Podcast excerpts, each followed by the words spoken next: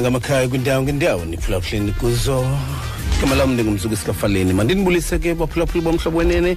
Sendiphathele inkqubo yenu ke mvuselelo xesha ke ngonje imizuzu elishumi elinanye ibethile emveni kwentsimbi yesixhenxe anami ndedwa ke njengesiqhelo eh ukhona ke umedem ukho? Ndi- ndiyabulisa omama ndibulisa otata omakhulu otamkhulu abantu abatsha eh nentsana napha ekhaya. Ndiyabulisa igama elihleka yesu kristu. Inkosi nomsindisi wam igama lam ndingunamonde kavakalisa kuhle khaya umedem kuhle mfura kuhle kuwe? Hayi no no banga awubanga ngifane Banga. ubangela uba undingqolise xa ndibuza uba kutheni uleyithi kaloku kaloku kaloku kaloku kaloku uyabona?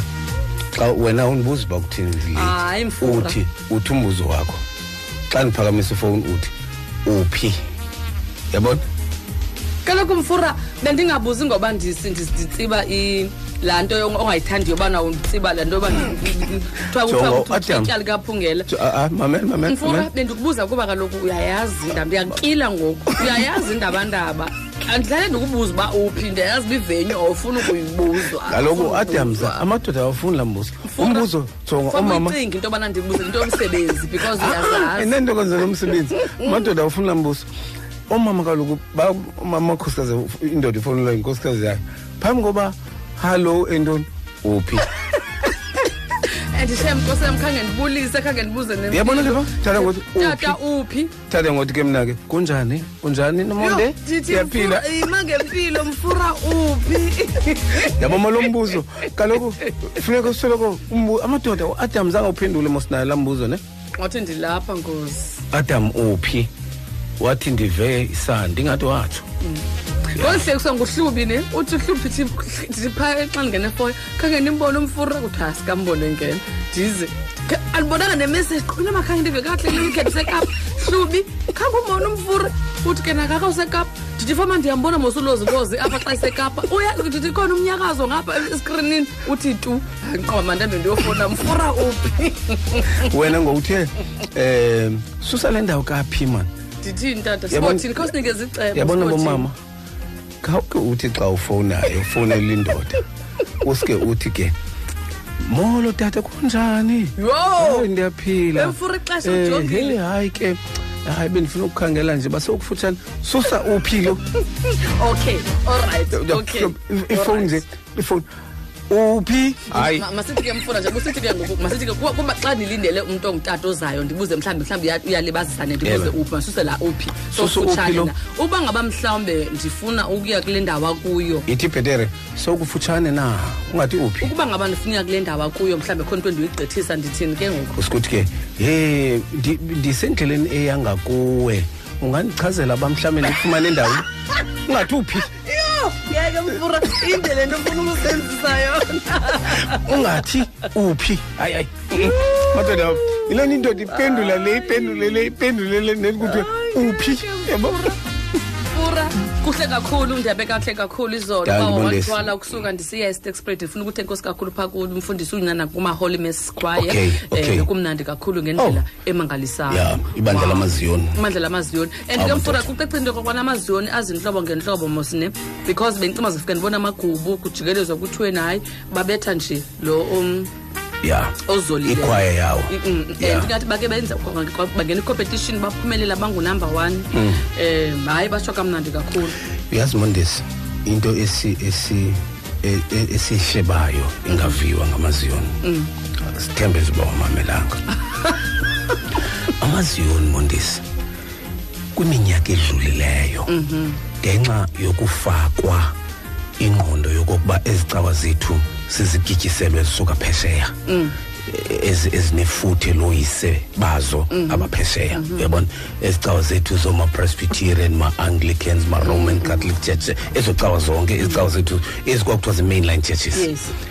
Sasike sabanayo into phaya enhliziyweni yokuthi ama- ezi cawa zamaziyoni zicawana apha ezingaphucukanga. Mm, yabona zabantu abahamba mfundisi. yabona but ke ngoku mondisi ngenxa yokuziqonda ngoku thina uba heyi lamaziyoni mos ingathi ngawona Ngawona zama aphethe indlela yokukhonza ngokwendlela yawo injalo Se- sendisho uba ba- bazama indlela yokukhonza ngokwendlela yawo kuba besithi sikhonza ngokwendlela yalapha thina njengabantu balapha Kunjalo, mfundisi. ngoku ke ngoku thina siyabuya ngokujonga la magubu sasiwagxeka siwathuka ebethwa ngamaziyo Mm. Abethwa nini abethwa phambi? sithi ngoku Jonga, mfundisi. betha la magubu jonga kwakujikeleza ubethwa ke la gubu kusuka umuntu omnye ah, kujikeleza so zonke ezaa zinto sasizigxeka so funeka sixolele torho Mm. Jonga, sasenziwa mfundisi, kungazi kangoba ndide ndithi mna ndiyambulela uthixo ondibeke apha kumhlobene ne-fm because bendingenawuze ndikwazi ukubabona abantu abangamazulu ngolu hlobo endibabona ngalo ngoku. Mm, because banintsi endidibene nabo kukhona nezinye iinkonzo phaa zoomr mangqwengqwe nobandile nabanye nabanye um izifundiswa eziphayana mfundisi. Ewe. Yeah, yeah, iziphalando eh, because- eziphayana. because kaloku biyicawa- Because uz- biyicawa yamaqaba. yes Yabona? uzoyicinga ngolo Yeah, hlobo besicinga amaqaba. ngolo hlobo but Kuhanjwa ngoku- ngeenyawo Yho. ngoku nomonde into esiyiphawulayo kubo kule nto ye-african theology ingqiqo buthixo yaseafrika siphawula okokuba heyi yathi naba babantu abazama indlela yokukhonza ngokwendlela yokuphila kwabo. Yabona? Siyabuya ngoku. Laa nto i-african spirituality siyabuya ngoku siyakubo ngoku yabona so yiloo nto sithi ah, uh, nantsi ke imondesi into yokugqibela ke mna esikhe ndingayithandi ke ngoku. Xa ndibona wona maziyoni njengoba thina sifuna ubuyela kulaa ndlela yokukhonza kwawo. Bona funa usangenene yena afuna uzanganini Andazi noba ngayingqina, ndikhuma ndithatha aba ukuhlangana bantu njengoba thina sifuna uya kubo siyokhonza ngendlela abakhonza ngayo ngendlela yaseafrika. Abanye ba- bancothuka pha baza ngaba ngakuthi mama Bomba. olright awukanti ke ibisiso lishumi nesixhenxe emva kwayo intsimbi yesixhenxe kumhlobo ne-fm siyakwamkela ukuba ngaba ugqiba ngubula wakho Siyakwamkela, yes. namathotholo sifuna ukutsho into okokubana namhlanje mfundisi sizawutyhila kwelinye ikhasi ngohlobo Yes, lwahluko. Yes, Mfundisi. Sicela sinike nje umkhombandlela into yobana sithina namhlanje. Mondesi namhlanje sizawucela nje umphulaphuli. Eh kuba kumaxesha amaninzi eh abantu nomonde baphila kumazwi ngamazwi Oh, athile. yes. Abangathanda ukukwabelana nawo kwakunye nabanye abaphulaphuli. Phofu ke inyaniso yokokuba umshumayeli ngamnye mondesi ukuzalwa kwakhe ade ayobhubha ushumayeli ilizwe linye. Yabona Injalo. manilijikajika ebhayibhileni jike kodwa ubomba ushumayeli into enye. Elabonelayo kodwa manijike ngenye imini manijike lambeka. ya alibeke kwenye ivesi abeke kwenye kodwa uphawula uba intshumayelo yakhe ayinikwe nguthixo ibanye. Injalo, so namhlanje ke sifuna ukunika umphulaphuli womhlobo wenene Mhm. kwelo lizwi athi ndiyalithanda eli samnika nje imizuzu emibini alibeke Oh, yes. ashumayele Ashumayele. kwelo lizwi lakhe nomnye umphulaphuli kwilizwi olithandayo Oh, wena yes. Mm, kwilizwi olithandayo uthi ndiyalithanda ke eli lizwi eh bendinga lake lenza into ngoba ilizwe lake lenza into kuwe Mhm. soloko ufuna ukwabelana nalo nabanye abantu Alright. so ngolo hlobo eh sawulibeka siza kunika ichansi okokuba kwilizwi kuloo ndawo ofuna utyhila kuloo ndawo ufuna kuyo utyhila kuwo Yes, ilizwi Mondesi. alilinyanga abantu Yeah. abahlomla Mm. phezu kwalo kanti Yeah. ndifuna ukutsho into yobana phaa kufacebook umhlabana na-fm 88-106 ungabeka kaloku ilizwi lakho ubethe nje wena amagama bembala ukuze ndizawukwazi ufunda nam futhi Mm. futhi naphaa kutwitter um ku um at uwfm at 8 underscore 106 ungabhala khona into yokokubana wena leliphi ilizwi ilizwi elikubetha uva into yokokubana noba ngathiwa kuvuleka amazulu ungangena ngalo ungena ushumela lona ezingelosini yapha kaloku phaa kufacebook wethu nakutwitter wethu um kanti ke sizawuthi ke xa sekuzawuphela inkqubo sifunde ke um loo miyalezo othe wayibhala. So lo mzuzu ke sizawubheka emthandazweni umntu ke akhabe etyhila ibhayibhile yakhe lungisa ilizwi lakhe sizawuthi ke emva koko siku sikubize. Ube sowusitsho okokuba ndikwincwadi yekamateyu sahluko sesibini kulaa vesi yesithathu lithi lizwi lithi lizwi eh ungene. Emva koko sinike omnye umphulaphuli. Sifuna ukuva eh sifuna ukuva eh abaphulaphuli bomhlobo wenene kumazwi abanamandla kuwo. Ya kunam- kumazwi abanamandla kuwo. Kuthiwa la mlungu kuthiwa nguspurgeon eh eh, kumlungu nguspurgeon kakhulu. ya Oh, lo mlungu lowo ke mondesi kuthiwa wa- wayesithi eyiphethe intshumayelo yakhe. Eh athi zani intshumayelo yami esendaweni ethile. Eyi nkosi yam yayityhilwe laa ntshumayelo Shumayele ithunyelwe ke lo ashumayele mfo lo. ngayo ya Oh, Shumayele ya. ke lo mfo kuthiwa lo. ingcali kuthiwa nguyise wabashumayeli lo. Yho, ndiyamthanda kakhulu. Ndiyamthanda kakhulu. masibheke emthandazweni ngimondesi siyathandaza. Egameni loyisehelo nyana elomoya ingcwele wena nguthixo. Wena ulungile. Nguthixo oziqu zithathu emnye thixo namandla onke nangalenjikalanga siyabulela. Ukuthandwa nguwe siyabulela thixo olungileyo ukuphakanyiswa nguwe siyabulela ukuvuswa nguwe. Thixo bethu omhle kangaka ekuseni. Thixo namandla onke. Sibonile xa sivukayo thixo namandla onke into yokubana ngenene wena usenguthixo wakwakufika ukusa thixo lamandla onke. Sisiqinisekiso eso kuthi into yokokubana usahleli esihlalweni sakho sobukhosi. Enkosi ke ngonyama izulu. Enkosi kakhulu ke ngweletshetshetsha inyaniso enkosi maxhoba yakhawuleza enkosi inyangele mihla enkosi igxala abantwana elibanzi lo- lokusithwala xa siphelelwa ngamandla endleleni. Enkosi thixo olungileyo ngokusithanda kangaka. Inkosi thixo namandla onke ukusinonela kangaka. Inkosi mzali wethu ukusilonda kangaka thixo wethu olungileyo. Ngale jikalanga thixo namandla onke sisondela kuwe ke mzali wabazali bethu. Sisondela kuwe isebe nkosi yethu enguyesu kristu sithembe izwi lakho. Sithembe ukuva ubuncoko bakho thixo wethu olungileyo sithembe somandla ukuva impendulo evela kuwe thixo namandla onke. Nanga madinga somandla ethu siwabeka phambi kwakho. Thixo wethu namandla onke sithembe wena ngoba ungumpendulo somandla. Ngezwi lakho elingabuyeli kweli lambatha lingawenzanga umsebenzi ebeliwuthunyiwe nanamhlanje siyakumema ukuthi unyalase moyo ngcwele wenze yakho intando. Thixo namandla onke edlule yethu intando thixo olungileyo. Ngobe yakho intando imnandi thixo olungileyo sisondeze kuyo ke mzali wethu. Siyakuphakamisa ke mzali wethu sincipha thina. Sisithi thixo namandla onke increase in every area of our lives. Asimbonanga uthixo njengawe asimbonanga umzali ofana nawe. Asisoze abekho thixo namandla onke ulidwala lensindiso udwala laphakade thixo namandla onke. Sizimela ngawe ke mzali wethu. Siza kuwe ke thixo namandla onke ngeemeko zonke emzantsi afrika ngamakhaya onke emzantsi afrika. Thixo olungileyo unguthixo wena okufutshane ngabantliziyo zityumkileyo unguthixo okufutshane ngabemiphefumlo yaphukileyo thixo namandla onke. Siyazi into okokubana ungazange usidele nje ecalvary awusayi kusidela ke mzali wethu. Thatha indawo yakho njengothixo nyalase ke moya oyingcwele uyenze yakho intando. Philisa apho kumele uphilise khona. Nikeza ithemba apho kumele ukunikeza ithemba. Khuthaza apho kumele ukhuthaze khona. Sula inyembezi moya oyingcwele apho kumele into yobana usule inyembezi. Minista thixo namandla onke ngokwezidingo zabantwana bakho thixo olungileyo emakhaya. Siza kube ke thixo wethu namandla onke. Ngaye uyesu kristu inkosi yethu amen.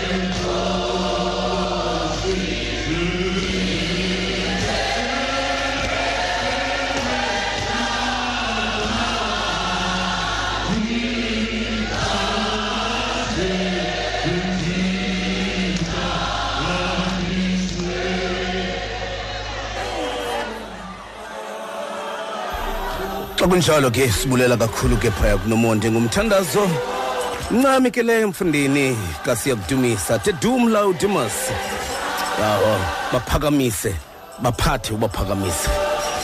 Ya baphathe ubaphakamise. Thanda loo ndawo ke mfundini ya baphathe kodwa wena ubaphakamise. Baphakamise ngokwakho. Xesha ke ngonje simizuzu eh licala emveni kwentsimbi yesi yesixhenxe siza kuwe ke mphulaphula omhlobo nene sithe ke apho sikhona ke namhlanje. Sifuna nje uba ya uthi nali nali nali kwincwadi. Ubethe ngalaa ndlela amadodana mana kudala. Bethe ngalaa ndlela amadodana kudala. Gaba gaba gaba gaba bethe nje intloko dolophi ntloko dolophu zonke. Yaw uyeke zinto zo 16 AD man. Hlukane. Hlukane. Ne-16 AD eh 16 AD hmm. ya bethe nje kwintloko dolophi gaba gaba ya ya njengenye indodana ingena enye nantsi apha ecamkwenye igaxe ngedolo. Ilindile yabo? Xa iphakama liya enye igaxe ngedolo ecamkwaliya leka nje lakho. Sikwincwadi kabani? Isahluko sento ethile kwivesi ento ethile. Ungene ungene 089 410 33 089 410 33 33 sikumhlobo umoleni ekhaya Eh tata ufaleni molo bawo kunjani? phila bawo inkosi siphele ngenceba ngeva kwekhaya Hayi kuhle. Mm. Eh kumbali londi lapha eBhayi. masiye bawo Eh nguMateyu. Incwadi yamashumi amabini anesithathu Mm. kulamqolo wesibhozo. Mm. Ngenina maningabizwa kuthiwe rabbi kuba mnye umkhokheli wenu uKristu. Nina nonke ningabazalwane. Ningabizi mntu ngokuba uyihlo emhlabeni apha kuba mnye uyihlo wenu lowo usemazulwini. Baz- bazalwane bam emakhaya sekucacile isizwe siyalahleka abantu abakhokheleyo baninzi. Kodwa namhlanje ndi- ndigalela ukucacisa into okokubana ngokomoya kathixo nangokothando lukathixo umkhokheli esinaye mnye kulona usemazulwini. Le nto yabonakala mhla amadoda amathathu ephoswa ezikweni lomlilo uthi xa chaza nobalisa um umlilo lo wawuphindwe kasixhenxe kangangento okubana namadindala awo ephosa aba bazalwane iihempe zawo zade zahawukwa umlilo kangangobukhulu bomlilo mayibonge ukhona bawo mayibonge mayibonge imvana kathixo ayekhokhelwe nguyesu ukungena kwelaa ziko lomlilo mnye umkhokheli wethu mayicace ngolo hlobo bazalwane singabi salahlekiswa ngabanye abakhokheli yema tata nkosi bawo Hmm. Ah. Hmm. yabona ba ba- ba- ba- babe ba- ba- babe ndikule trip nomonde nam eh i- i- be- babe ndikule trip yaba bazalwane eh bendawuke bekandikhangele la vesi ka ka ka kagiyazi ya vesi ivesi kasikhuphi ke mosleya yekhumbula vesi kasikhuphi ya. Nanku ugiyaze ayisithi ligeyazo wenzeni kanganyaniseki eh kaloku kwabakho la bribe kwakwala corruption layikhona lapha. Eh yabethwa ngugesi yabona unkabi ke Jonga. wayekwelo cala le corruption. Joga Yabo- yabona umntakambeda ematatiyela esithi yegeyazi ya awaziwanga lo hlobo kuthiwa ngugeyasi velaphi igeyazi ayo unkabi wahlinya imbisi. Geyazi. buyisinto zabantu. Buyisinto hayi. Awu madoda. Asikhangela lapha sikumhlobo molweni ekhaya? Sebenzela wakhe. Molweni wawo siyaphila lapha eyami ivesi othiwa ngusonwabile kanomnganga. Yes bawo ndilapha eGauteng. Mm. ivesi yam ikujobi uvesi ngisasho ngu-42 ivesi ngu-5 Mm. apho athi uyobi ukukuva beloko ndikuva ngendlebe zam kungokunje amehlo am akubonile. Utsho lo mfo emveni kwezinto ezibuhlungu ezimehleleyo ingathi ngalo mzuzu unikeza itestimony. Emveni kwentlupheko ebe edlule kuyo. Uthi thixo bendikuva ngendlebe zam kungoku nje amehlo am akubonile. Kuba ingxaki sidlula ezintweni. Lo thixo simazi nge-experiences esidlula kuzo asimazi ngokuva ngendlebe zethu simbone ngamehlo amehlo ethu ngenxa yengxaki esiphuma kuzo uthi uyobi beloko ndikuva ngazo indlebe zam. Kungokunje ke amehlo am akubonile. For kristu inkosi amen. Nkosibawo. Nkosibawo, sikumhlobo umleni ekhaya. undiziphaleni Molo bawo. eh kwincwadi ngekayohane Ncwadi ke kaYohane. umbangeli chapter 1 verse 45 Hmm. uFilipu ufumana uNathanieli athi kuye lowo uMoses wabhala ngaye emthethweni kwanabaprofeti simfumene uYesu unyana kaYosefu lowo waseNazarethi wathi uNathanieli kuye inakona into elungileyo ukuphuma eNazarethi athi uFilipu kuye yiza ubone. Uba ubambiso lonexhorha mfundisi wam ngihlelwe ile nto ithi inako ukuphumana into elungileyo eNazaretha ngumbuzo kaNathanieli ebuza kuFilipu ndamthanda mfundisi wam uFilipu alamdanga amandla elilizwi liphuma kuNathanieli ngoba unebhongo lento eyodwa. Lowo unamandla unguyesu bamfumene kodwa sibona uNathanieli enciphisa ukukhula kukaFilipu ngokwasengqondweni ngokholo kuYesu Kristu. Wathi uFilipu yiza ubone. Kwisithuba siphila kulo sinabantu mfundisi wam abathi soze kulunge kulona umntu kuphelile. Kanti uthixo wamazulu uqala ubomi obutsha ngowakhe umntu ndifuna ukuthi uba mhlawumbi efemelini yakho uzongele phantsi yithi yiza ubone. Ngoba lo uguqula izimo ziyajika izinto kuye ngokwelizwi lakhe. Uthi unadaniyeli inakona ukuphuma into elungileyo enazalethe wema ufilipu mzuzwana wathi yiza ubone. Kukudela oku okwamkelwa ngufilipu akubonileyo akuvakalisayo wanga ucela unehemiya xa ingaswanga usanabhalathi notobiya esithi intoni nale nto icwengileyo emveni kobe sakhe indonga zejerusalem zithenga umlilo. Wema kodwa lo mfo kwathixo esakha. Ngoba uyayazi into okokubana konke okulungileyo kuzophumelela. Yangabaphulaphuli bomhlobo wenene. Okwenzeni okulungileyo zeningethimana Enkosi bawo. ngoba ngexesha elifanele Enkosi bawo. funa enkosi mfundisi wam ndiyabulela. Enkosi bawo. Sikhangela sikumhlobo umleni ekhaya. Sikumhlobo umleni ekhaya. Mayebonge fanele nomonde Molo bawo.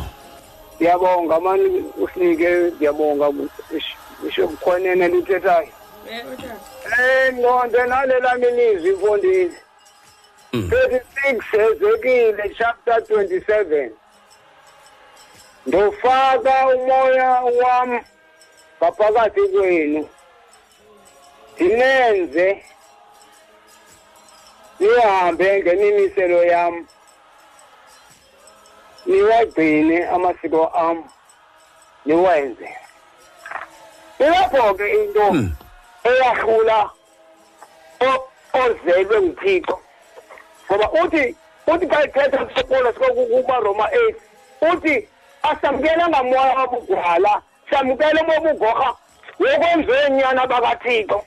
Xa uamkela umongcwele ithi igrey uthi niyenziswa uyenza intando kathixo inyama ikwazi uyenza lena ungakawuhlanga nomongcwele. Amadoda kudala ibandla lokuqala lopetros yinto yokuqala le into zemali into zam into yokuqala even upolos ufika ubafundi bakayona kuze namamkele nomongcwele aphinde vesi basele ngoluka kukuzenza ukuthi kwaqondakala ibandla lesamari alikamkela umongcwele wayekho upetros wabeleka izango uba amandla okuyenza intando kathixo ngumongcwele amandla okuthilela into zakhe ilise libonanga indlebe ayibona ayivanga izinto bekezo ezithilwe ngomongcwele umonakalo ke ngoku kungathandazi bafuna umongcwele number one uthi ndawufaka umopha ndibenzise intando yam aleluya. Ilazi indaba yokukhululeka? Kuthixo kuba wamkela amandla futhi uthi uthixo abemkela eselmongcwele nakwamongcwele am amandla okuhamba ephikweni ukwamkela amandla kamongcwele ukuze futhi nezono khulula amandla okhulula a- asemandleni wokuzala ngamandla kamongela umongela bubomi bukathixo. Umongele that's why he said where's the mind of christ ilapho ke indaba yam kayifanele ukuthi ndafaka uba sinanzise okhethe sibabone zihlanzi kodwa wakhe umongele chapter two zabafina buye baqhuba umsebenzi ngoba bafumana amandla abubomi bukathixo amen Nkosibawo. Nkosibawo, akusikhanga lomnye sikumhlobo umleni ekhaya. Sikumhlobo umleni ekhaya. molenda Molo ba. enjani Nkosi siphele ngenceba bawo ndeva ngawe ekhaya. ah masibulele. Elami ukuba yikuncwadi kamateyu.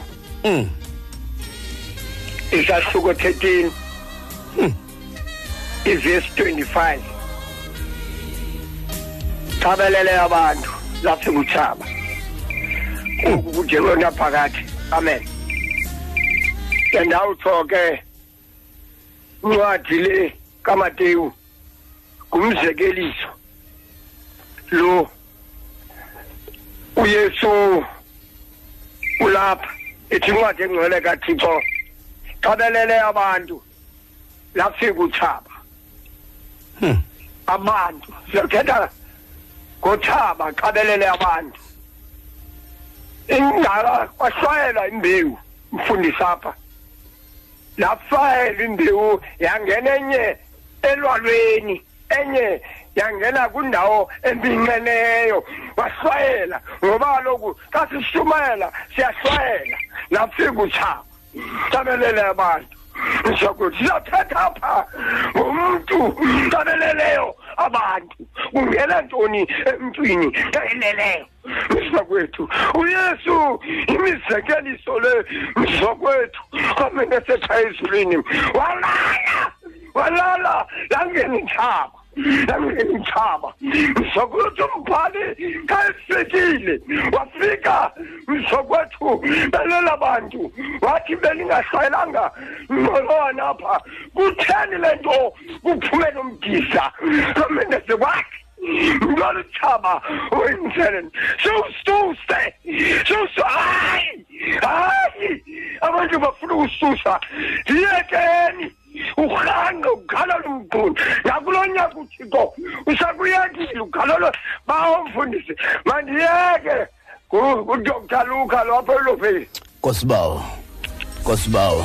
Nkosibawo. ungamncami uthixo kwimvuselelo yomhlobo wenene FM Xa kunjalo ke, xa kunjalo ke baphulaphuli bomhlobo wenene, namhlanje ke sinika wonke ubani ithuba eh soloko ingumnqweno ngasike ndibeke ilizwi phaya kulamvuselelo yomhlobo wenene. Kalibeke ke elakho. Kalibeke ke elakho ilizwi ke sive ngawe kokuba ithini into. Hmm, chokamandi ke abaphulaphuli bomhlobo wenene madoda. Chokamandi kakhulu. Eli livwa nguwe. Yayilizwe. Qabaqaba nje kuzunike nomnye ithuba. Qabaqaba nje kuzunike nomnye ithuba. Ya suka ke utata luka ke apha isithi ya ekuzeni kobusuku kwasuka kwafika utshaba ya phaya ezanzulwini zobusuku kwasuka kwafika utshaba yabona ke yabona nomonde elizwi eh lithethwa ngutata luka apha lindikhumbuza ubishop PW ubani? Ubishop kwinani no no no bishop PW Saliso. Ya ya bishop bishop PW Saliso. Eh mhla kusweleke utata uHani. Eh mhla kubulewe uChrisane ngesasikhohlakala sasimbulela. Wa wa wa wa kwicawa yokuqala. Eh unxasi kuqala kucawa yokuqala umfundisi u- unqiwa. Eh wanika ubishop PW Saliso.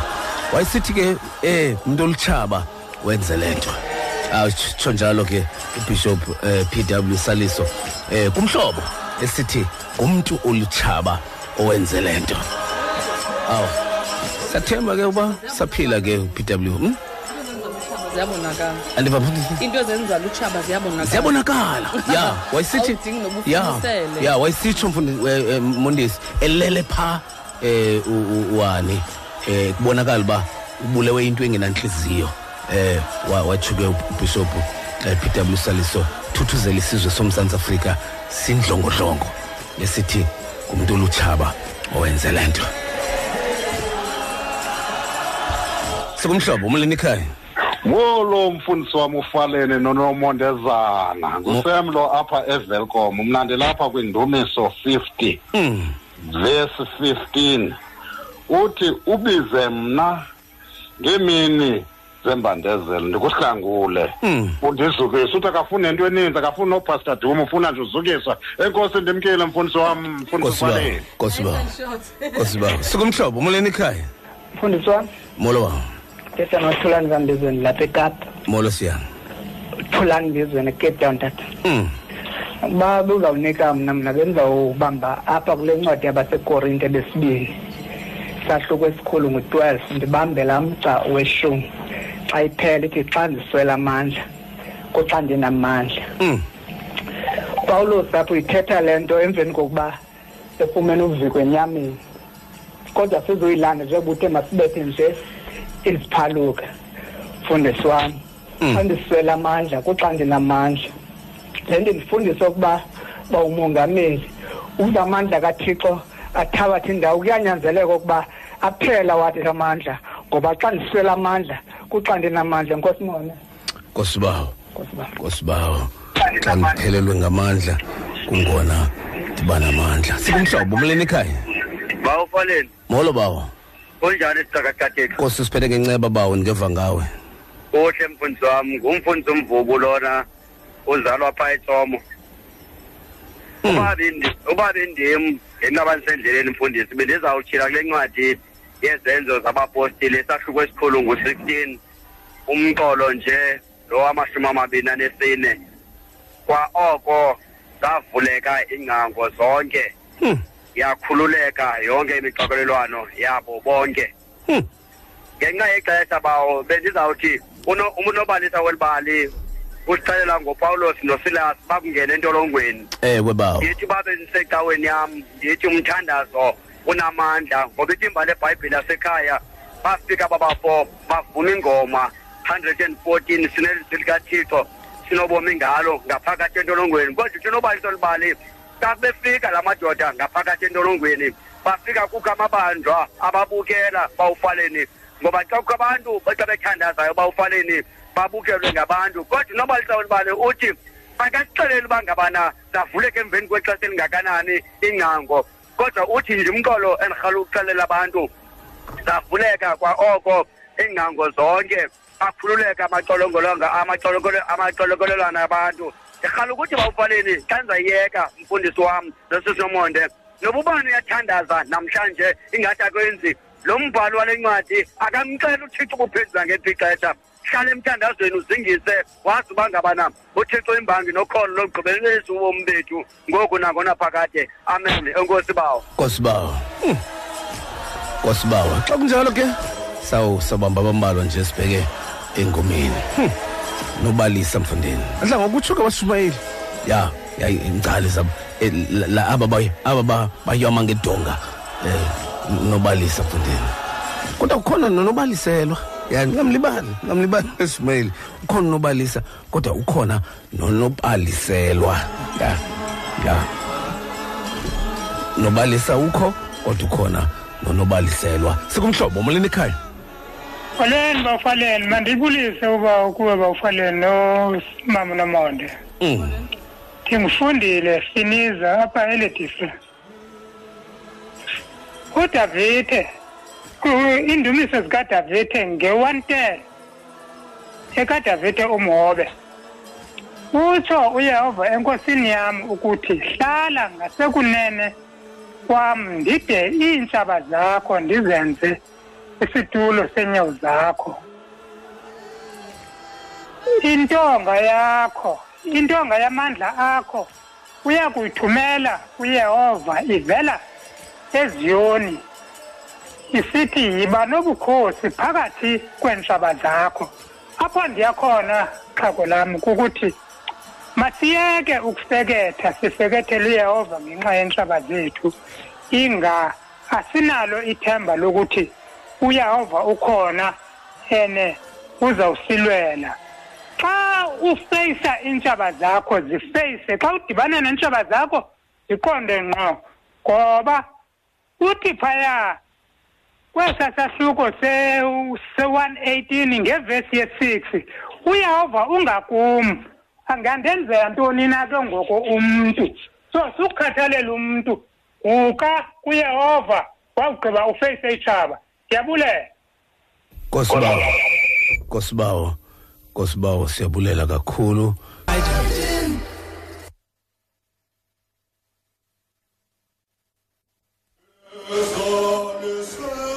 Xa kunjalo ke eh kodwa nje asibafumana umama namhlanje. Eh umama basinqabele namhlanje. Ndazi ba losine wamama utshone kweliphini icala. Awubomama uphi uphi wana bomama? Wana bomama uphina phinwana nalapha mama. kuxhaphake kwam oku- o- otata utata Ewe. um- umeya wasematatile tata umbedla Okay. uduna ummumilezi uthi Okay. yena ke yena upha kwincwadi yokumkani bokuqala chapter 3 verse 16 to 28 uthi le ndawo kanye ithi endaweni yokuba umbulale umntana mnike lo uthi ngowakhe Eh yeah. Uthi hayi ke uhlelapha ndabona Hlela kula apha. ofisi ke ngoku ndabona kuyabanika abantu into zabo Yeah, kula ofisi yeah. yakahleli buntu Yeah. uyabanika yeah, abantu into Yeah, zabo yeah. Yabona ke xa kunjalo. Xa kunjalo asi- asiniva bomama. Hayi bo, Em, ndiyakhala Omama bomama. nentombi zangoLosithathu Ndiyakhala, bayaphi? mama, Yeah. niphi nakathi? Wana, wana bomama. Ningamphosi. xa ke nivumele umama bake bangene Yeah, umama umama. oyi-one Yeah, ke sive. Eh man ke sive mondesi uba eh umama Ngokungenile uthi- usise Kapa uthi- Yeah, yena. uthini umcimbi wabo? Abeke Umcimbi wabo bangene. sikhangele apha. Sikumhlobo molweni ekhaya. bawubale Molo bawo. uthetha nodeyi apha etolendanga Molo bawo. eh ndiphaya kuyoshuka Mm. isahluko sesokuqala Sokuqala. ivesi yeyesihlanu Hmm. ukuya ngezantsi bawam akuyi kuma mntu phambi kwakho ude kuye ekupheleni kobomi bakho andisayi kushiya andisayi kuliyekela eh bawufaleni xa kungeli xesha abantu bakathixo besengxakini Be- besehlelwe behlelwe zizinto. Namhlanje ndifuna uba ndibaxelele bawufaleni uba uyehova uthixo uza kuhlale khona kubo. Akasayi kubayekela futhi akasayi kubashiya. Bonke yomelelani noba nikweyiphi ingxaki? Noba wehlelwe yeyiphi ingxaki mphulaphuli ngoba ndikhe ndive bawufaleni xa bekhala abantu bendabanye abantu akwethu kubonakala into kokuba qela akasayazi leyona nto noba lo thixo uphila ngelo xesha ingxaki usatana uyasebenza ndifuna ukuthi ngeli xesha bawufaleni uthi uyehova uthixo akasayi kushiya akasayi kuyekela yomelela uthethe lo xesha uyoshuwa emonyulo emonyulelo indawo kamozisi bawufaleni ngeli xesha bawo ndifuna uthi ebantwini abangaba- abangabaphulaphuli mabathi noba kweyiphi ingxaki noba kweyiphi na into futhi kodwa funeka umntu abe nethemba ubuye ubuthixo u- ukhona. Unjenjengo akasayi kumshiya akasayi kumyekela. Uyakuhlala ekhona ukhela ukuthi usinomonde athi aka- akasaza kushiya uthixo. Ngamncane. uze ungamshiyi nawe mphulaphula uthixo. Uhlala umazi uthixo uyakuhlala ekhona. Amen bawo. Nkosibawo. Nkosibawo. Xa kunjalo ke baphulaphuli sele siza ukuya ke eh sele siza kuya phaya ezindabeni. Besifuna ke eh bomama bomama ngolusine ke siva nibetha ntoni phangulusine bomama eh inene eh ndi andinxilanga ndingu ndi- ndinkosikazi ndingumfazi onomoya onobunzima eh uyabona ke xa bebetha umama laa ndawo eh baba nendawo ngathi bayavova mfundini bomba bangathi laa ndawo ngathi yavova eh andinxilanga eli andi kodwa ndingu ndingumfazi onomoya onobunzima. Bomama eh bathi bavova. Bomba eh bayibo- bayibona le ndawo bayibo ulwesine nomonde. Eh andilolungu lakalosine kodwa ulosine womama ongenahana. Ah angolosine lo. Hayi, sebadlula into hayi kamama abanamyeka abanamyeka umama. Bacinga uhana kaloku ngumongamelikazi womama uhana. Umongamelikazi womama uhana.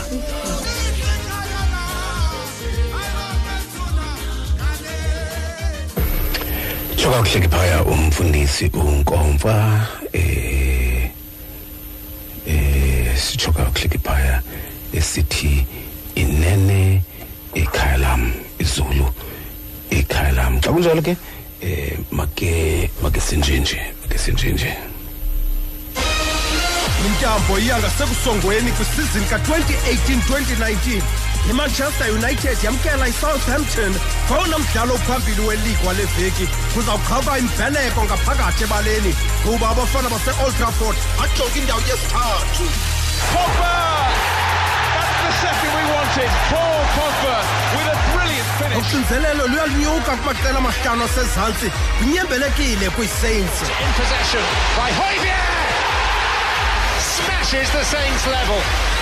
bukela usasazo ngqo ku-sabc 3 ngomgqibelo lo ngo-half past 4 emalanga xa i-red devils ziqubisana neesaints zasesouthampton neyiphathelwa yi-sabc sport for the love of the game ya ukanti ke size kuwe ke mphulaphula xa imizuzu elishumi emva kwayo intsimbi yesibhozo kumhlobo wena na FM sibulisile kuwe ekhaya mhlobo Molo mhlobo. Alo. Molweni sisinamonde. Alo tata. Uthanda ngoba umongameli uSidumo apha eDodrag. Molo ba uStum. Lali lizwe mama nomonde. Incwadi kaLuka eshumi lenhlanu la verse ka-17. Mhm. Eba tata. Hmm. Ndazi ke mhlawumbe noba inoba ngu Okay, inoba yi-network. Masihambe sikhe komnye umphulaphula olandelayo. Molweni ekhaya mhlobo. Molweni ekhaya mhlobo. Unomhlobo mhlobo.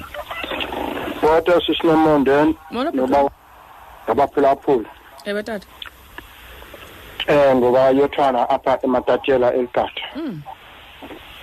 sinomonde mna elam ilizwi incwadi ka-isaya 54 evesini la-17 apha ethi umprofeti kathixo zonke izixhobo ezikhandelwa ukulwa nawe aziyi kuba nampumelelo.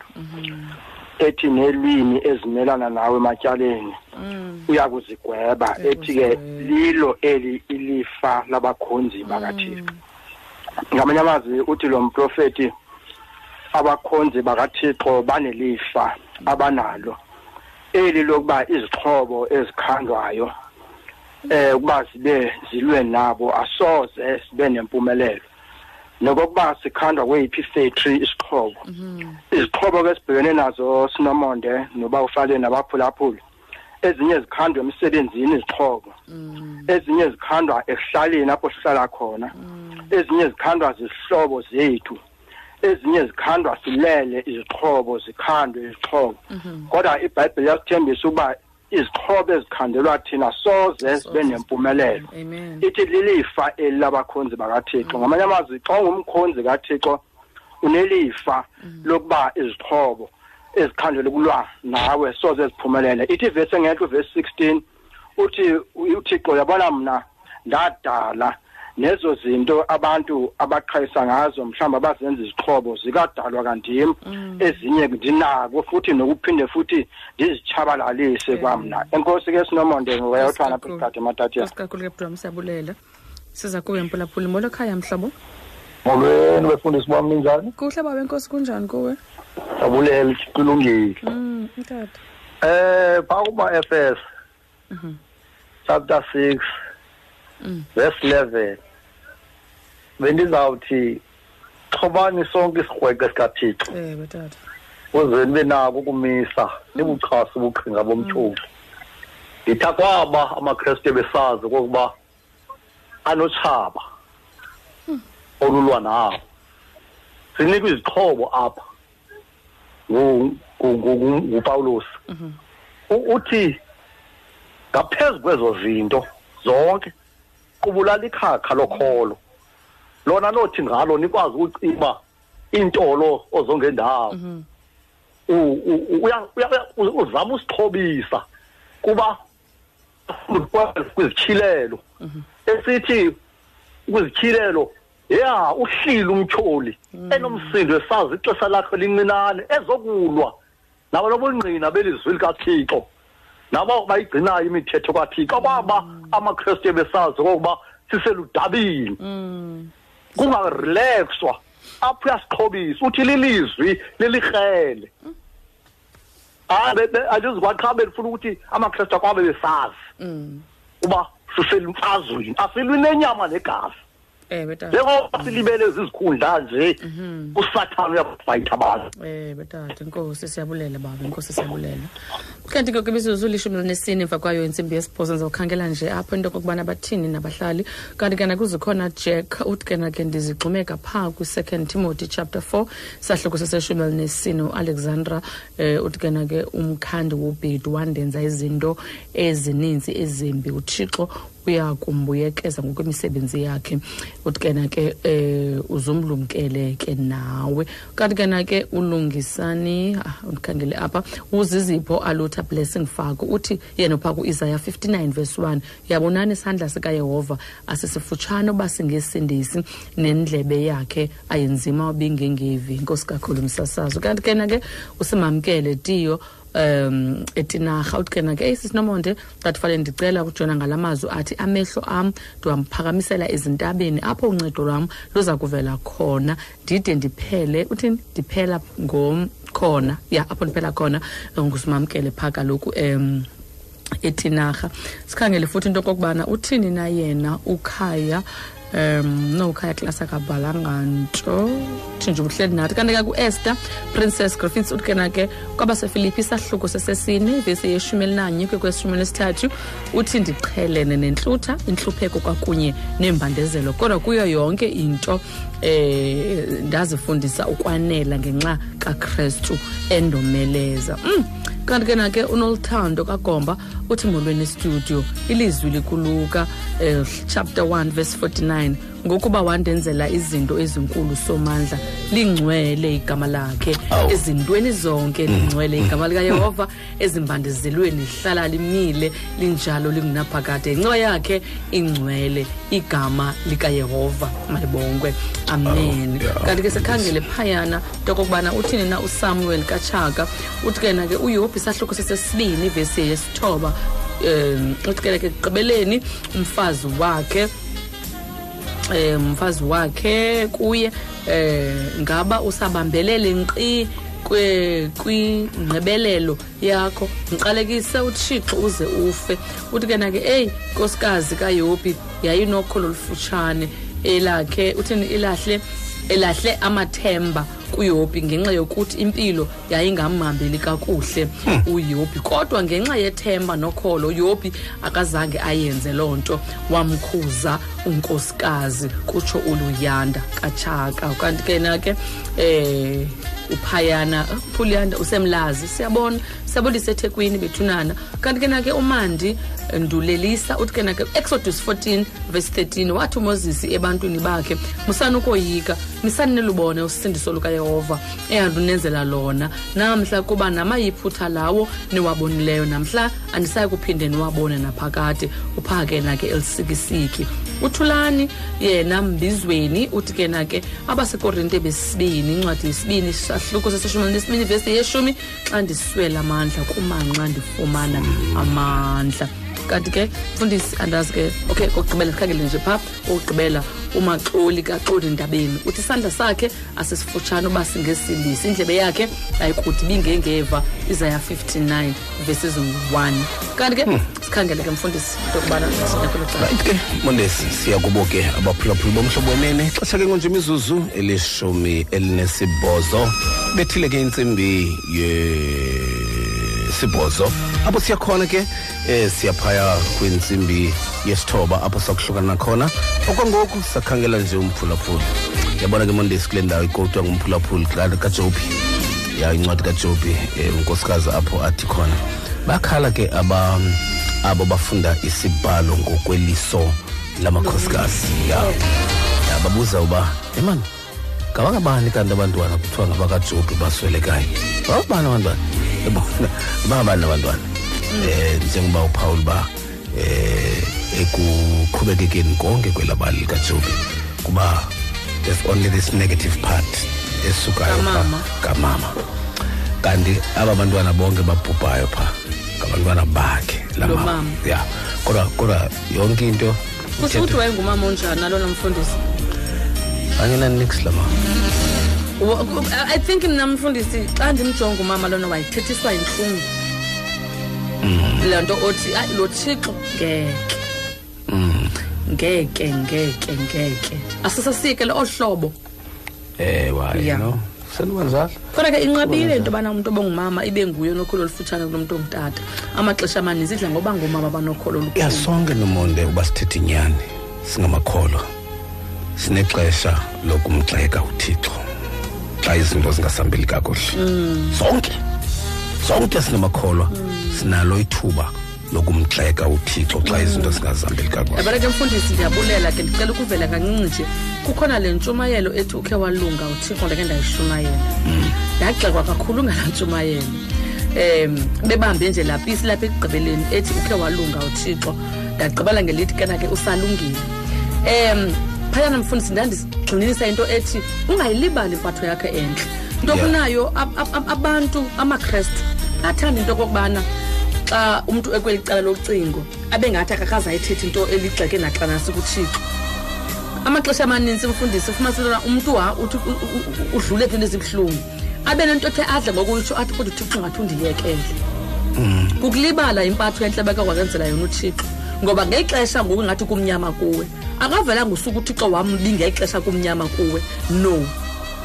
Makangabimbi uthixo ngelaa xesha. Khumbula izinto akwenzele zona ngexesha elidlulileyo. Le nto ithi iimeko azizuhlala zimntakangqika zintle zilungile ngamaxesha onke.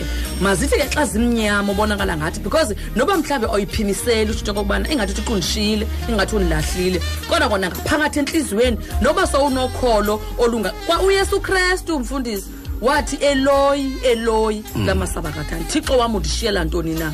Into yazi into okobana wayengenawuze uthixo amshiye ngelaa xesha kodwa uyesu wayikhupha wathi undishiyela ntoni na? Eyazi into yokokubana uthixo wayethe asokuze amshiye asokuze amlahle kodwa enguthixo yena. But ngelaa xesha weva ngathi uthixo uyamshiya weva ngathi uthixo uyamtyeshela waliphimisela walikhupha. Makungabi ngathi mfundisi ngamaxesha onke siphimisele okulungileyo ngamaxesha onke simva uthixo ngathi ukhona. That's why uthixo sinikeze nevesi zokusiqinisekisa into okokubana noba sowundiva ngathi andikho kodwa funeka ube nayo ingqiniseko neconviction yokwazi uba ndinawo. Noba undiva ndithetha noba uyiva intshukumo noba ubona impendulo but funeka ube ube convinced beyond reon- reasonable doubt uba ndikhona ndinguthixo. Asakuze ndikushiye. Noba ngaba ubonakala ngathi zithule kodwa yazi into okokubana yes that's why sithi udavide thula wazi ndinguthixo. Yeah. because wayesafa Still. kwasa yena davide. Mm. uyayazi into okokubana kunamaxesha uthixo bengathi akekho kube ngathi uthixo umshile Yeah. kube ngathi uthixo akathethi into.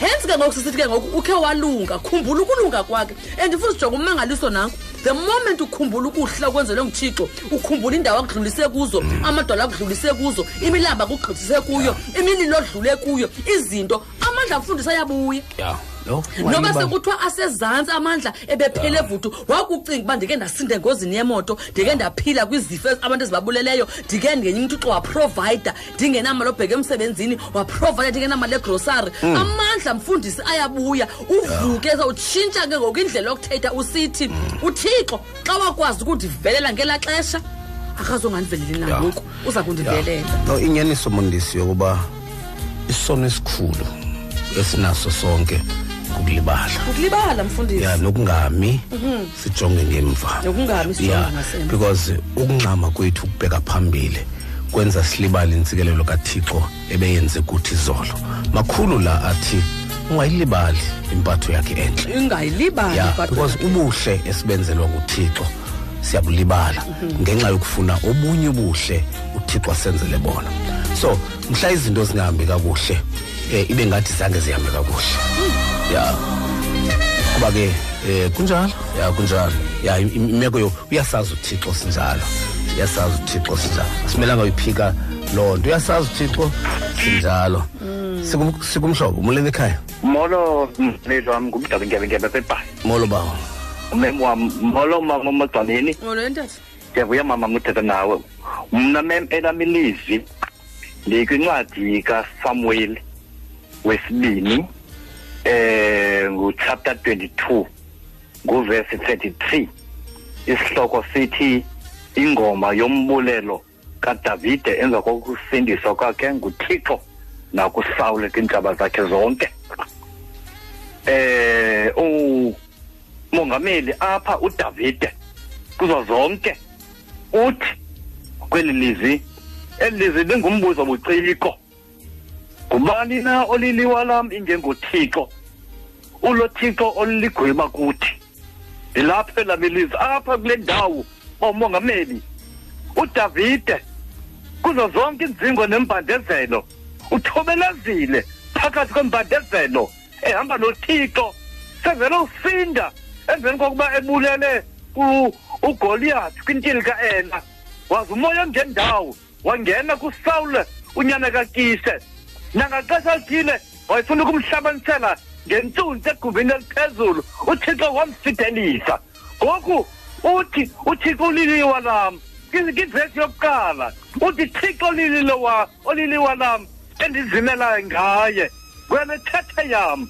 Thixo ov- wembandezelo ndakhe ndava usisinomonde wasimela ivesi eyakasinyela ngumfundisi uvakala esisekethini ngomthendeleko ka-2016 athi sisinomonde ngothixo ndifile iindonga ngothixo ndidila impi. Ilapho ke kuloo ndawo bomongameli ndifuna ukuthi uthixo uliliwa lana phakade. Ndingakhange ndiyimoshe ndiyelule mongameli wam. Yenze nje ndiyabulela kakhulu ngosenzela le nyoba uthixo lisihlekilela kamhlobeleni nkosi mongameli wamama. Nkosibawo nkosibawo sikumhlobo molweni ekhaya? Molweni tata. Njani asiyaphila bawo ninjani ekhaya? Hayi kuhle noko tata. Mandizibulisele nakumama nomonde. Mona tata. Ewe ndibulise ke nakubaphulaphuli ngelihle igama lomfeli wethu nguyesu eh ndithundezwa ngamazwi apha akwincwadi kayohani eh lungumbhaptizi ke wokuqala ngesahluko sesibini ngevesi eqalayo. Kunevesi pha ethetha kamnandi ithi sinomthetheleli uyesu kristu ilungisa. Inkosi mayibe nathi bantakwethu. Eh emaxesheni amaninzi ke ndiyaqonda uba nike nibava abantu xa bethetha bathi don't talk to me talk to my lawyer. Abantu abanjalo basuke belungiselela iimini zikaxakeka bantakwethu. Inkosi mayibe nathi bantakwethu eh sinomthetheleli uyesu kristu ilungisa. Loo ndithetha ngaye ke umthetheleli bantakwethu akadingi nokwenza i-l l b okanye enze law esikolweni. Inkosi mayibe nandithetha ngumthetheleli onguyesu. Ukristu elungisa inkosi mayibe nathi bantakwethu. Eh kunombongothi ke bantakwethu oluhambo lunengozi oluhambo lunentsaba oluhambo lunentsizi. Sinomthetheleli uyesu kristu ilungisa. Mandinishiye nento ethi bantakwethu kwindawo kuyo bantakwethu aba uzibona abantu ngathi bakujikele okanye bantakwethu mandithi oba kwindawo okuyo ubona ingathi nesithunzi esi sakho sifuna ukusuka pha kuwe ngenxa yemeko kuyo yazi ntwenyoba unomthetheleli onguyesu kristu ilungisa. Bantakwethu mandibulele nam. Enkosi bawufaleli nkosibawo nkosibawo xa kunjalo ke make sithathe nango uhlingi wemhlaba esithi ngiyamazi.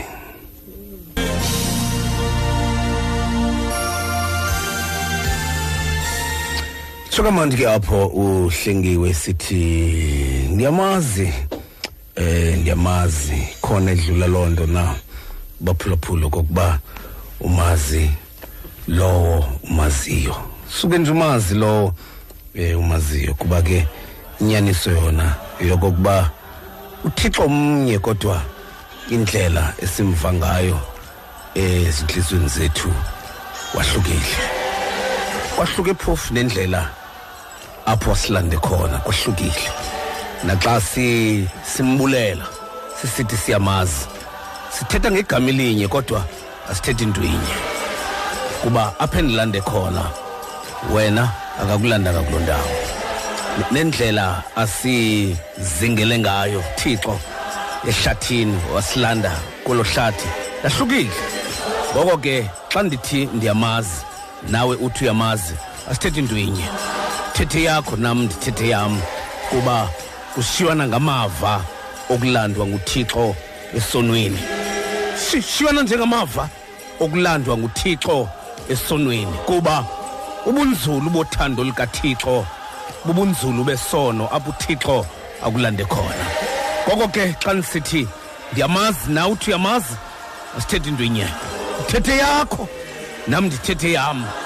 Ngoba ukuthetha kwam kukushukuma kwentliziyo yam xa ndisithi ndiyamazi.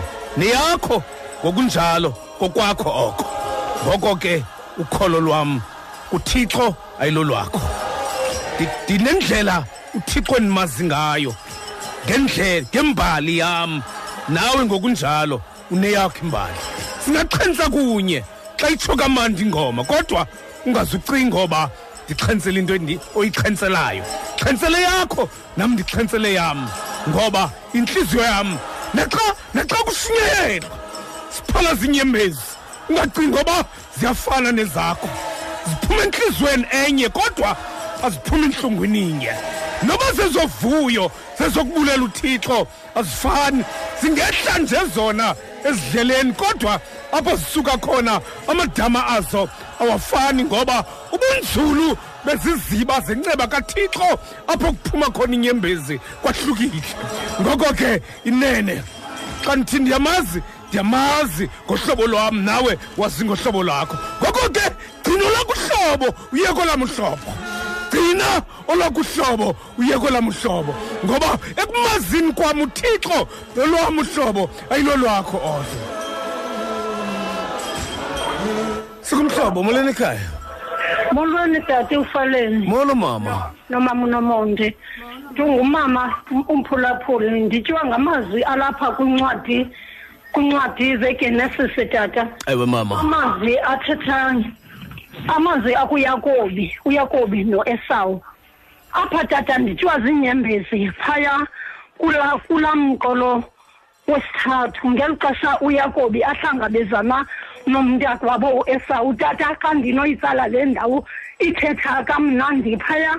Uesawu u- bohlukananga kamnandi nomntakwaba uyakobi ngeli xesha leentsikelelo zikayise uthi utata yena kazawunika uesawu iintsikelelo. Uthi awufike yena umntu ongumama azichithachithe iintsikelelo abone uba zifanele uesawu. Kodwa ndithanda intweni uba uthi kuye wafika tata xa ndiyishingula le ndawa uthi ngeli xesha u- u- uyakobi ekwamalume kwamalume kwamalume akho ulabhane uthi kufike into ngaphakathi ngeli xesha senezinto zakhe kwathiwa khumbula khumbula okuzalwa naye into okokubana ngaba kudala kudolo phakathi kwenu. Tata nityiwa ziinyembezi xa abantu babini belilelana bezalana kodwa uthixo uyenzile indaba yoba mabahlangane badala ukolo phakathi kwabo tata. Ndityiwa intweni bathina asasike ugxola ikuthi asafike nkosi mama. Nkosi tata. Nkosi mama. Tata mandini tsho kamandi mama kufundeni phaya. Emva koba besesibuncama sikumhlobo molweni ekhaya. Molweni bawo umfundisi. Molo bawo. Nobawo usmot. Mm. nguvumile lothethayo ifane ngotyuthwana ewe bawo. Kulaa dolophana encane itabankulu kumhlaba wasencumbe. Ngokuhlwa nje bawumfundisi kulaa ncwadi kayona isahluko esikhulu sesasahlukwana sesibini. Ndivumele bawo ndithathe isahlukwana sokuqala nesahlukwana sesibini. Apho isihloko ndaba sithi umthandazo kayona nokuhlwangula kwakhe. Uyehova wathandaza uyewona wathandaza kuyehova uthixo wakhe embilinini wentlanzi. Wathi ndakhala kuyehova ndisembandezelweni wandiphendula. Ndazibika ndisesiswini selabafileyo waliva wena ilizwi lam. Elona lizwi bawo umfundisi nabaphulaphuli bomhlobo wenene. Kupha ekupheleni kwesasahlukwana sesibini aphathi waliva wena ilizwi lam. Waliva wena ilizwi lam. Ngamazwi lana bawumfundisi ufaleni avakala emveni koba uyona unyana ka-amitayi ebethunywa kumhlaba waseninive kodwa uthe kuhambeni kwendlela. Wayitshintsha indlela wabheka kumhlaba wasetalatshitshi bawo umfundisi. Xa ngaba ndingazulufunda ibali lilide uthe kuhambeni kwendlela uyehova uthixo wazibonakalisa. Ezama ukumqondisa njengebengaqondi yona ezama ukumbonisa nanjengoko ebengaboni wavela ke uyona emveni koba ephoswe emanzini wangena entlanzini wahlala iintsuku zantathu esiswini sentlanzi. Waziqonda ngokuyona into yoba ngaba usengxakini. Makabuyele kulo mntu ebemthumile yiyo le nto kwavakala nomculi wasewisile. Kulaa culo 11 ndamemeza kuyehova ndandisengcingweni wandinceda wandibeka endaweni ebanzi. Ngoba indlebe yakho uyehova ayikho kude uba ingangeliva ilizwi lethu. Xa sizawuqala iveki bawumfundisi. Ndifuna ukukhuthaza abaphulaphuli bakumhlobo wenene into yoba ngaba imeko nemeko ojongene kuyo. Ingxaki nengxako kuyo zibona uphakathi kwayo. Thetha nje noyehova ngoba uyakuliva ilizwi lakhe ngoba uyehova uthixo ayingoyehova osilandela izilandu. Nguyehova osixolelayo xa ngaba siguquka sizixela phambi kobuso bakhe. Bawumongameli. Ndimani ngamosha ixesha bawumongameli ndivulele nabanye abomhlobo wenene. Ndiyabulela bawo. waliva wena lizwi lam yehova. Nkosi baba sekumhlobo molweni ekhaya. 0894103333 makesinike unomonde ke mamela mfundisi apha kutwitter kukhona unyameka ngolonkulu uthi mm, eh ndingumama mna ndithanda le chapter yesibini apha kwizityhilelo kuvesi 10 musa ukoyika eh nyameka. Nabunye ubunzima oza kubuva. Uyabona umtyholi uza kuyiphosa inxenye yenu entolongweni Entolongweni. ukuze nilingwe niya kuba neembandezelo mihla elishumi. Yeah uthi ndiziva ndilungile. Uyazi- ndiyayithanda because uthetha naye. Mm. Uya- uya- u- u- ibhekise kuye nale le ntshu- le ntshumayelo unyameka ngalonkulu kanti ke nake ulolwethu uh, heliso uthi ke nake izaya 4110 musa ukoyika kuba ndinawe. Wow. Eh yabona uthi ke nake musa ukubhekabheka kuba ndinguthixo wakho NguThixo uhlale khona. ndikukhaliphile ndikukhalipisile ewe. Ndikuncedile ndikuxhasile. Ngesandla sam sokunene sobulungisa bam. Namhlanje ndifuna ukuthi kuko konke ukunikela kuyehova umelusi wam. Kanti ke nakunolitha sterman uthi kwincwadi kasamuel 2 verse 3 eh kanti ke ngokuba uyehova nguthixo owazi konke umama wana wayenethemba elinguthixo kuba nguye owaziyo. Kanti ke okokugqibela apha kutwitter siyakhangela phaya afika Sgo- songwangwa. Uthi ke na ke eh kwabasekorinto bokuqala isahluko sesokuqala ivesi yeshumi nesibhozo ke kwe-19 kuba ilizwi lomnqamlezo libubudenge kwabatshabalalayo. Kodwa ke kwabasindisiwayo kwabasindiswayo thina aba ligama likathixo verse 19 kuba kubhaliwe kwathiwa ndiya kubatshabalalisa ubulumko bezilumko. Mfundisi yabona ke mna ke nje two Mm. minutes ukuba ngaba mna mfundisi bekuthiwa bendinothi ilizwe bendihamba ngalo nje kweziveki ezimbini fundi benzawuthi nje indumiso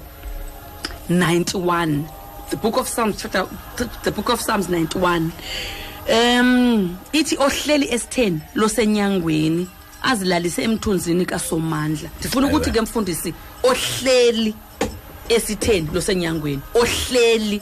Ndifuna ukuthi kumpulaphula masihlaleni singandwendweli. Ukhona umahluko phakathi kokuhlala nokundwendwela. Mm. unomahluko mfundisi umntu ohleliyo nomntu ondwendweleyo. Ithi ngesingesi those who dwell then ndithi ke ngoku masingavisiti but we must dwell.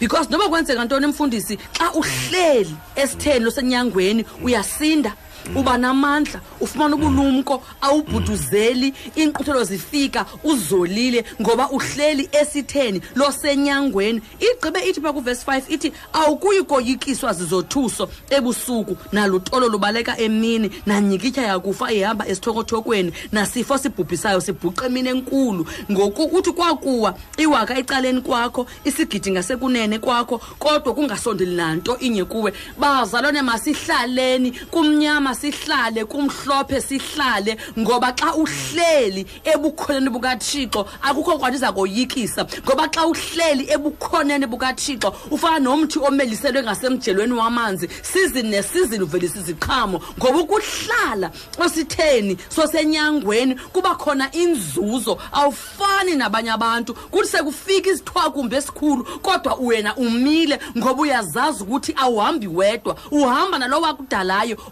okuhlalisileyo masihlaleni singagunqi hlala kwindumiso 91 ungagunqi ngoba in the presence of the most high god kukhona ukukhululeka kwemixokelelwana kukhona uxolo olugqitha ukuqonda Mm. ukubona mfundisi uyabonakala umuntu ohleli esitheni sosenyangweni ngoba sekufika izinto baxaka abantu bakutheni ezawuzola? Lo muntu kukhona isithiwa kube singaka? It's because uyayazi uba uyaphila owakhe umhlawulele. It's because uyayazi uba kahambi yedwa. It's because uyayazi into okokubana baninzi abangakuyo kunalowo umhlaselayo umnye. It's because uyayazi into okokubana uyaphila utshixo unamandla uyakwazi ukumgqithisa ezintweni utyhilekelwa yinto ethi ndingaphezu komeyisi i'm more than a conqueror. Xa ndihleli esitheni ngoba ukwazi ukoyisa izinto usukile kuthixo. Awukwazi ukuphumelela usukile kuthixo. Awukwazi ukugungqa ukungagungqi U- xa kuthixo uhleli esitheni uzolile.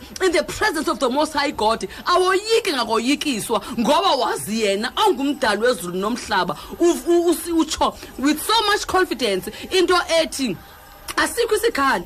Esenzele wena. Mm. eso because mfundisi ixesha esiphila kulo ngoku zintsuku zokugqibela sidinga umuntu ohleli esitheni nosenyangweni ngoba nosathane uzisa izilingo ze-end times uzisa i-distractions of the end times. Therefore you need ifaith ye-end times. You need ukusondela ngoba kuzawudingeka ukholo lwala maxesha siphila kuwo ngoba izinto ezenzekayo zinkulu. Kuyabonakala uba sifika kwiintsuku zokugqibela siphila kwiintsuku zokugqibela.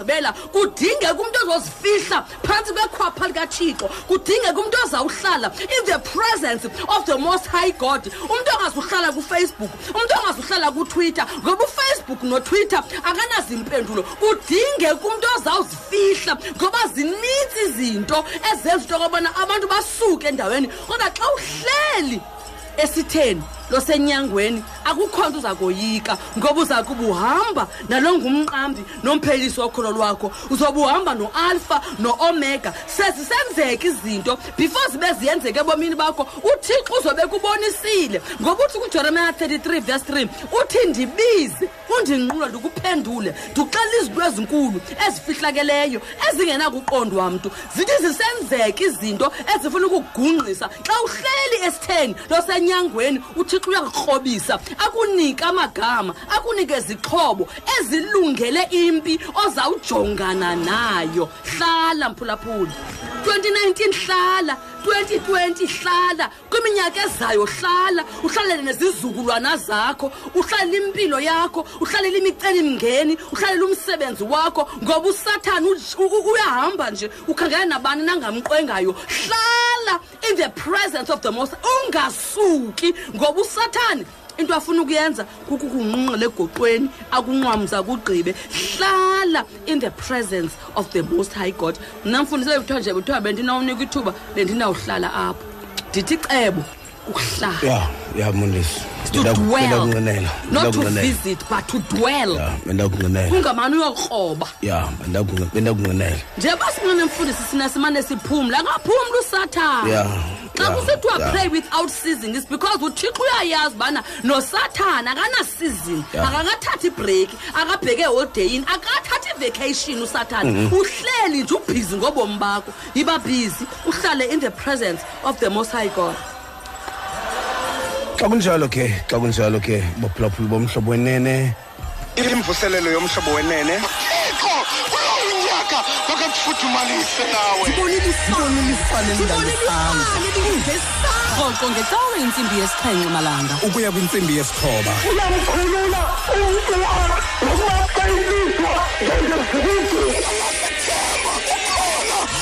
nokumaqayiswa kunye nomfundisi ufaleni kwakunye nonomonde vakalisa ngeli xesha ukhwazayo uthi nqanda thixo ndayindibeke iinto zokuzibulala apha xa kwam ndisithi ndiyazixhoma ndaqonda uba ulijongile ngelo xesha.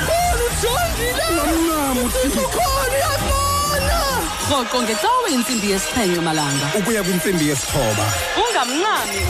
Umhlobo wakho kumaxesha onke 88 to 106 Eh, xa sishwankathela ke ngonje. Shwankathela nje funa ukukhumbuza ke mphulaphuli waphaya esteke stake sprate uba kule kule le cawa siya kuyo sikuwe?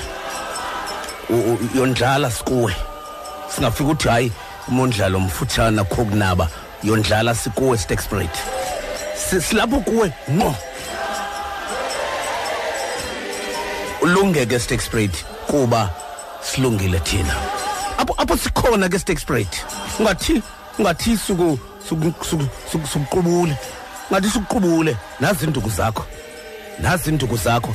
Apho sikhona ke steak spread si siphaya iphi iphi nomonde iphi iphi iphi kanene? Sipha kwincwadi yokumkani wokuqala. Kumkani wokuqala. Isahluko seseshumi nesixhenxe. Hmm. eh ivesi. Saqala phaa kwivesi yeshumi. Ewe. Kodwa siphele phaa kwivesi yeshumi elinesibini Mm. kodwa ke i think sawugxininisa phaya kwivesi yeshumi elinanye waya kuwakha wambiza wathi khawundiphathele neqhekeza lesonka ngesandla. Mhlolokazi. Umhlolokazi Ya. nguelijah lona ucela. Umhlolokazi uba Umhlolokazi. mak- makampha amanzi abe semphane sonka amphe amanzi amphe nesonka. Ya. Kandiphaphi kandiphaphi isonka bese ndiphana amanzi apho sikhona ke mondesi abe sisithi phaya uthixo bubuntu. Ubuntu uthixo.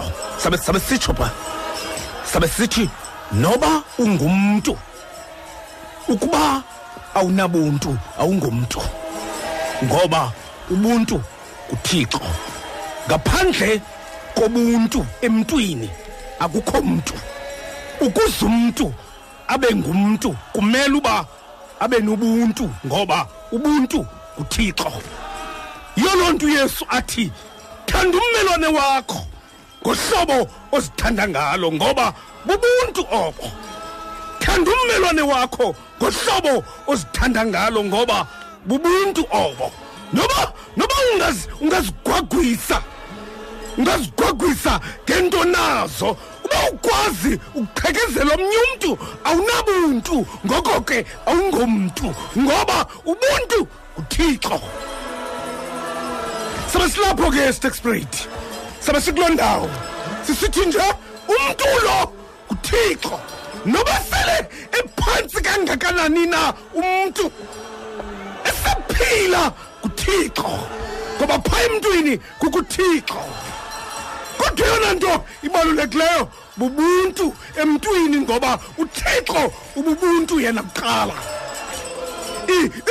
Usindiso inceba kathixo ibubuntu yona kuqala. Ngaphandle kobuntu noba ungumntu nje asingomntu. Imvuselelo yomhlobo wenene. Thixo uyawunyaka makakufuthumalise nawe Ngibonile ifane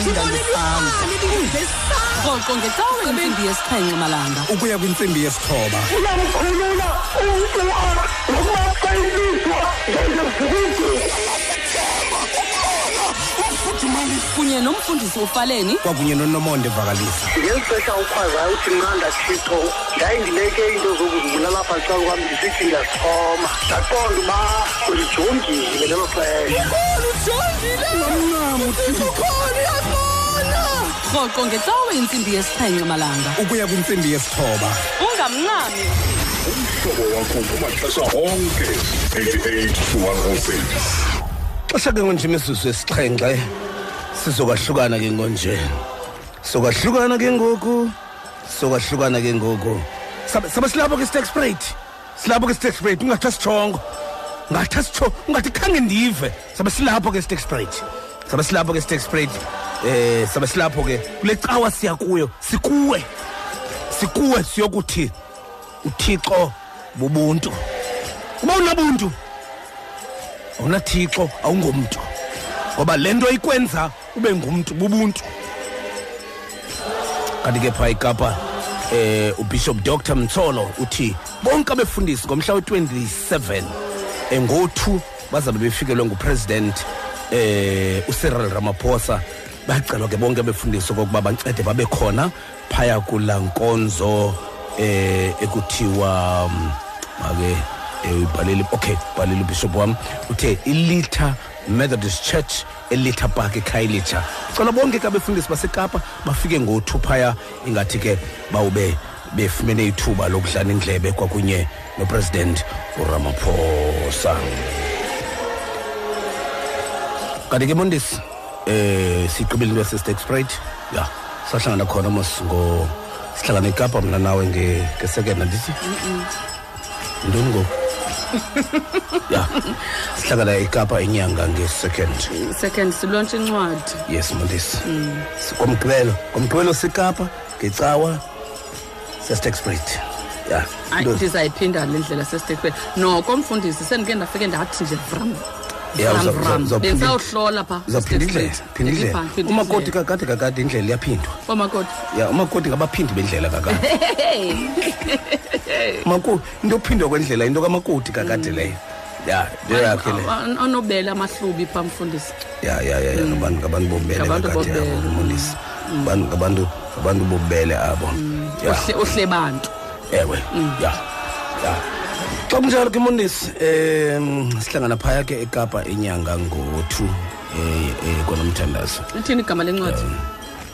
Hayi mani bes- bes- bazayibona phaa. I- i- i- Eh, but iliso- kaloku incwadi iliso- lo- iliso lengqiqo lengqiqo ya incwadi iliso ebhalwe le- ngumfundisi ya iliso lengqiqo uzukisi welcome falenco hayi ke ndalichitha ela gama likawelcome ndalisako kwalo.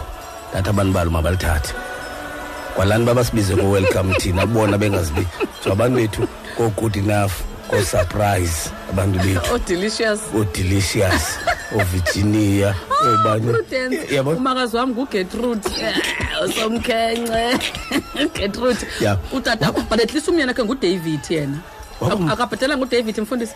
Akabheteranga at least at least ebha- ebhayibhileni. Akho david ugetrude ebhayibhileni. Umamam ngualice ngo-david ebhayibhileni. Udavide. Ah angodavid lo. Ngubani? Umthandeki lamfa igama lakhe.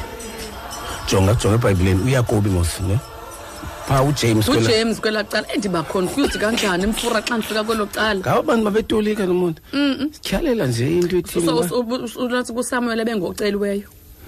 Eh watsho nina xa ifika xa wa- watsho nina ku-eli wathi wathi ungu ndakumenza. Bakhe bakhe wandinika ndakumenza. So le kasamuel ivele phi yazela so uzama ukuthi ke ngabazali bangabi namabhoko okuthiya amagama ngaba ngama sebhayibhileni bangathi ngawo sebhayibhileni udavide kaloku udavid ligama lesilungu elo. Mm. khumbula la mfo into umepere la mfo. Mm. uzaba ngudavide njani? Uzaba ngudavid njani umepere la mfo? Yebo ujames ujames kaloku mna ke mfura kayakobi kangoba iye endibhilise because kaloku saziba uyakobi ngujacob andithi. Xa ungamtolika esixhoseni angavakala ngcono xa uthi ngujacob angavakala kamngcono xa usithi uyakobi Mm, Yabo? kaloku ujacob nguyakobi but ke Ya. ngoku xa uthi yakobi yakobi u- u- xa ubusithi yakobi phinde futhi ufumanisa uba ngula james.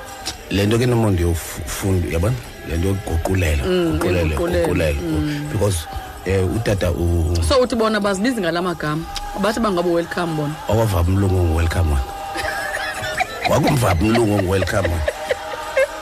Mna ndathi mabalithathe inoba ngubani umr. Mnqela khe igama lesingesi? Hayi hayi hayi. Makulimi ukuthethelela mloto icontract azikagqitywa kagqitywa nento mna.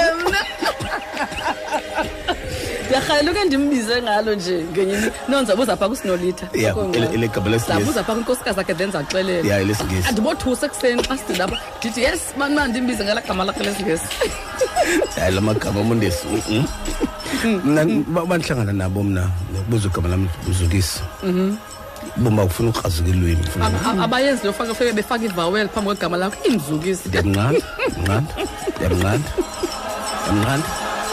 Kanti ke um ngomso ndiphaya ekerkudi kerkudi ndabe ndiphaya ekerkudi ngomso. Okay. ya kwela plasi likamama ucakasi ya phaya i-correctional cen- eh, correctional center.